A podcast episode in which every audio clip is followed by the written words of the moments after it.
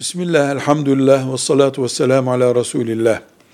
Hadis kriterleri açısından Sahih-i Bukhari denen kitap başından sonuna kadar sahih bir kitaptır. Yani biz Bukhari'nin filanca filanca filancaların aktardığına göre Resulullah sallallahu aleyhi ve sellem şöyle buyurmuştur şeklinde Resulullah aleyhissalatü vesselama dayandırdığı hadisler sahihtir.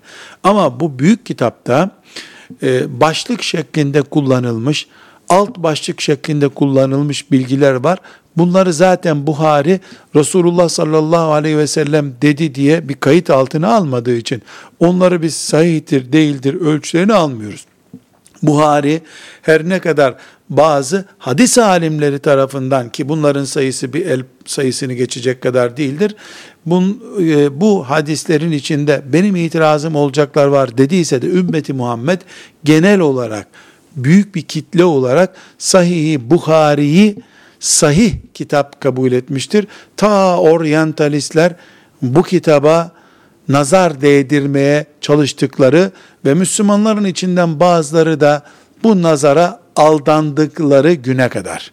Ümmetimizin düşüncesi budur. Velhamdülillahi Rabbil Alemin.